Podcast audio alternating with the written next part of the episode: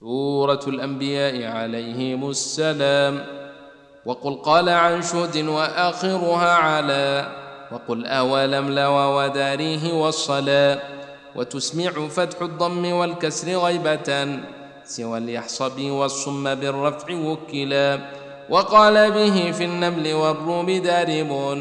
ومثقال مع لقمان بالرفع أكملا.